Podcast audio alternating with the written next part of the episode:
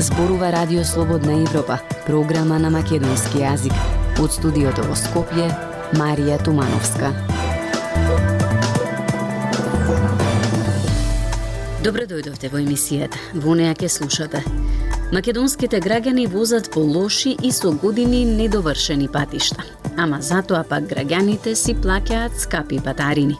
Зголемените цени на продуктите ги натера земјоделците да продаваат преку интернет – Поголем е ризикот, ама поевтино е и со домашен квалитет, велат граѓаните.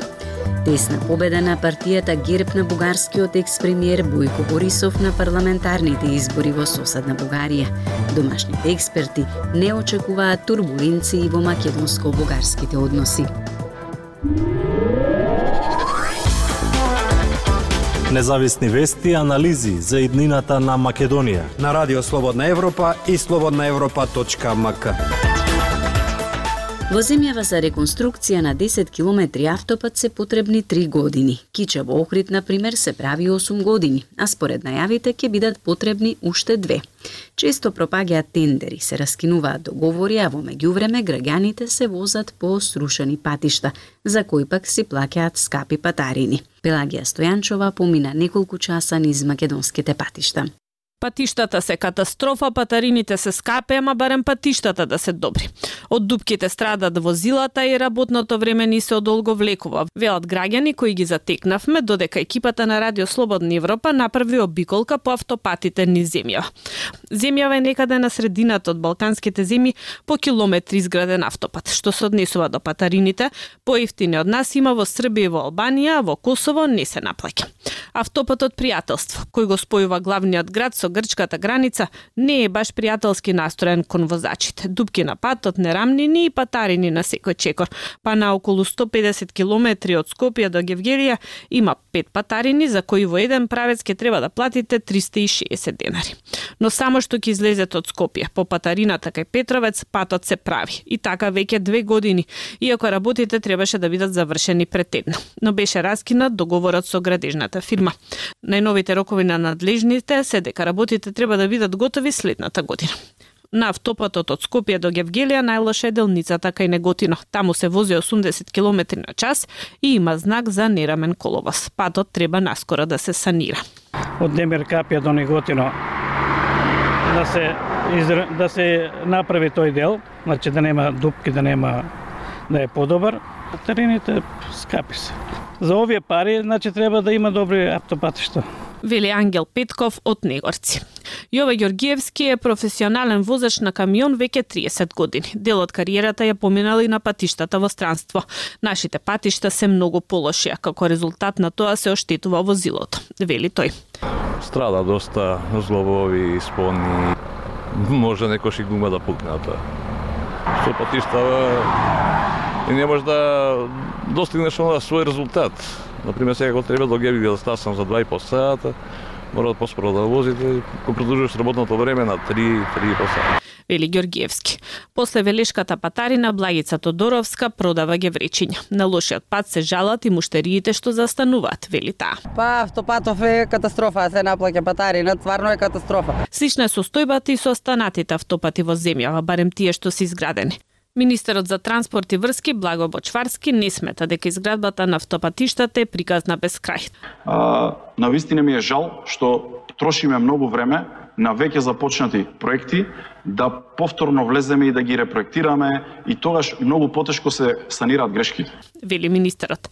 Најголемата опозицијска партија ВМРО-ДПМН и забележува на власта дека не инвестира во инфраструктура. Сегашната владеачка структура пред да дојде на власт во 2016-тата најавуваше дека ќе изградат 600 километри патишта, но изградбата на нови автопати тапка во место, а споро оди и реконструкцијата на постојните. Најчеста причина е што пропаѓа тендери и се губи време додека да се најде изведувач што ќе гради или ќе крпи дупки. Радио Слободна Европа, светот на Македонија. Скапите цени во маркетите ги натераа граѓаните да се свртат кон земјоделците, па расте трендот на купување вакви производи преку интернет. Цените овде се поевтини, квалитетот домашен, но и ризикот е поголем. Сепак се повеќе граѓани преминуваат на овој тренд. Јасмина Јакимова има повеќе. Килограм бранија за 60 денари, тиква по 15, но и кашкавал за 300 денари може да се најде на интернет, ако купувачите успеат директно да се договорат со земјоделците. Растот на цените во маркетите ги принуди дури и поплашливите да купуваат директно од производителите, како скопјанката Снежана Тодоровска. Последната недела успеа преку Facebook да најде и сирење, и кромит, и компирно и месо и домашни јајца. Вели дека вака цените се пристојни, а немала забелешки ниту за квалитетот.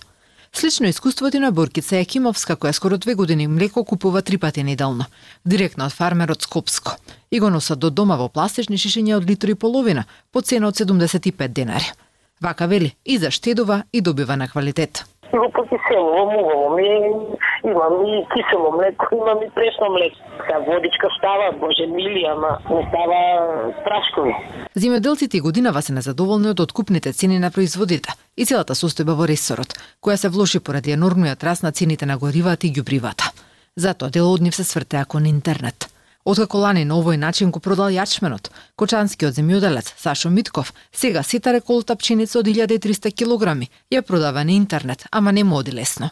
Кој ја во некој души, значи цената е многу висока, сакат нешто пониско, ја и тражи 20 денара, па намалив на 19, они сакат испод цена 17 до 16 денара. Ама тоа на мене е многу ниско. Со цел да се намалат трошуците на граѓаните, дел од нив ги зема работите во своји раце. Цената на кашкавалот од 700 денари за килограм го налути Бојан Велески, комичар кој има многу следбеници на социјалните мрежи. Зато организираше онлайн базар на својот профил, со цел производителите и малите фирми да понудат производи со пониски цени од оние во продавниците и директно да се договорат со купувачите како ви кажам дека краги кашкавал во моментот може да најдете во Делчево за 300 денари кило. Мислам дека тоа дефинитивно ќе значи за било кое семејство во Македонија. А и нормалното тој кој што го продава. Сепак базарот не одржа според очекуваното. Купувачите прашуваа, ама земјоделците дојдоа во далеко помал број. Како голем проблем во овој ланец се појавува доставата на производите. И ние успеавме да најдеме тиква за 15 денари, ама требаше да отидеме до Струмичко за да си ја земеме. Буренијата од 60 денари што ја продаваше земјоделец од Лозово, успеавме да договориме да ни ја донесе до Велес, ама не и до Скопје. Во Законот за земјоделство и рурален развој се навидува дека продажбата на земјоделски производи може да се врши директно од земјоделското стопанство, на пазарите, но и преку интернет. Но како што нагласуваат од Државниот пазарен инспекторат, главниот услов е оваа продажба да се прави од регистриран земјоделец. Сепак, доктор Лјупчо Костадиновски, началник на одделот за хигиена во ЦЕ за Скопје, е дециден дека ваквиот начин на купување носи ризици. Значи, храна да се купува без декларација најопасно. Тоа се испитува и се проверува. А ние непроверена храна едноставно ја толерираме. Костадиновски предупредува дека најмногу треба да се внимава со млекото и месото, па ги советува граѓаните да бираат што и од каде купуваат. Актуелности свет на Радио Слободна Европа. Партијата Герб на бугарскиот екс-премиер Бојко Борисов тесно победи на вчерашните избори, четврти за помалку од две години во оваа земја. Гласачите гледаат во Борисов ветување за стабилност и дипломатска зрелост. Пренесува Гоце Атанасов. Резултатите од скоро сите преброени гласачки ливчиња денеска покажаа дека ГЕР посвоила 25,4 насто од гласовите, додека центристичката партија продолжуваме со промената на поранешниот премиер Кирил Петков е втора со 20,2 насто на четвртите избори во оваа земја за помалку од две години. Ваквите резултати се најава за тешки коалицијски разговори кои повторно би можеле да завршат со слаб парламент или дури и со други избори. Ко-председателот на Продолжуваме со промената Кирил Петков изјави дека нема да коалицираат со ГЕРБ, како и со Движењето за права и слободи.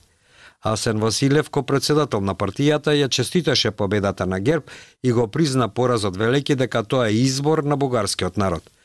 ГЕРБ, според него, треба да ја преземе својата политичка одговорност.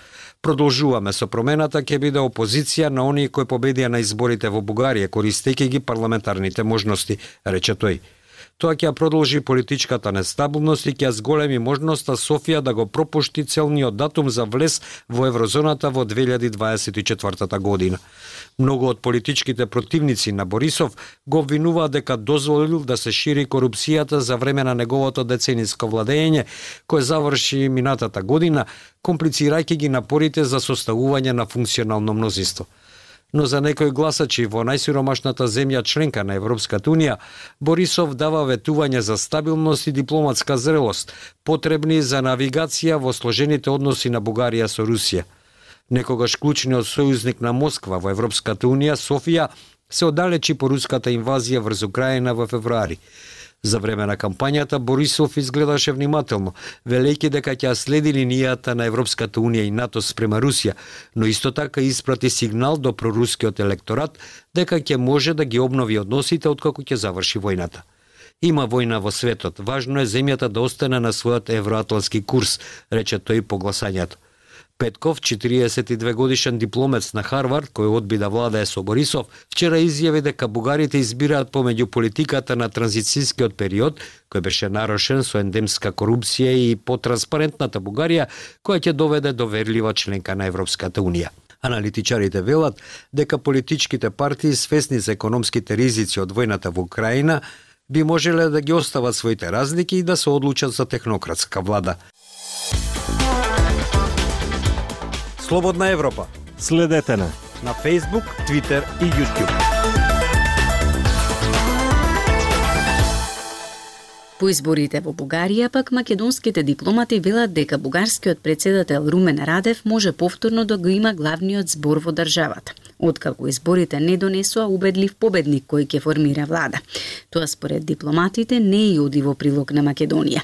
Тие сепак додаваат дека за нашата земја е важно конечно да добие влада од другата страна, за да може и двете држави да ги завршат обврските со кои ќе се одблокираат македонските евроинтеграции. Прилог на Марија Митевска. Политичката нестабилност во Бугарија известно е дека ќе продолжи по последните парламентарни избори, четврти поред во рок од 18 месеци. Потесната победа на партијата ГЕРБ на поранишниот премиер Бојко Борисов во моментов не е јасно дали ќе успее да формира влада. Во два наврати досега кај источниот сосед беше назначена привремена влада. Членовите во сите предходни технички влади на Бугарија беа луѓе од најблиското обкружување на бугарскиот председател Румен Радев.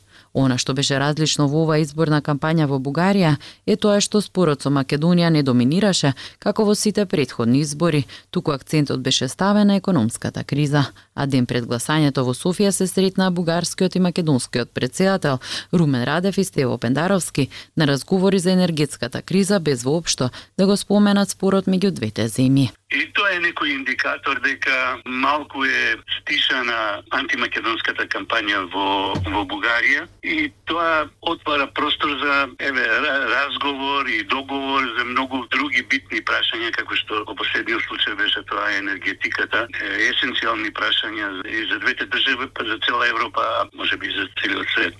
Така што наместо тие прашања до сега доминира историски некои наративи кои тешко да може да помогнат да се подобрат односите меѓу двете држави. Сепак тој не исклучува можност македонското прашање повторно да се врати во фокусот на бугарските партии и да биде искористено за добивање на политички поени.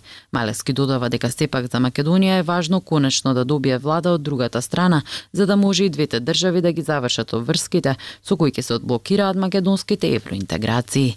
Очигледно е дека Борисов тешко ќе може да состави влада, а тоа само по себе е контрапродуктивно за проблемот што го има Македонија со Бугарија и тоа ќе предизвика на тамошно долговлекување на постапките, вели дипломатот Драган Јањатов. Според него Бугарија по подпишувањето на договорот за добрососедство и пријателство упатила дополнителни уврски за Македонија и во тоа е проблемот. Последниот настап на Радев не ме охрабри многу, веќе вадат нови джокери од, од ракавот, што не ни одат во прилог.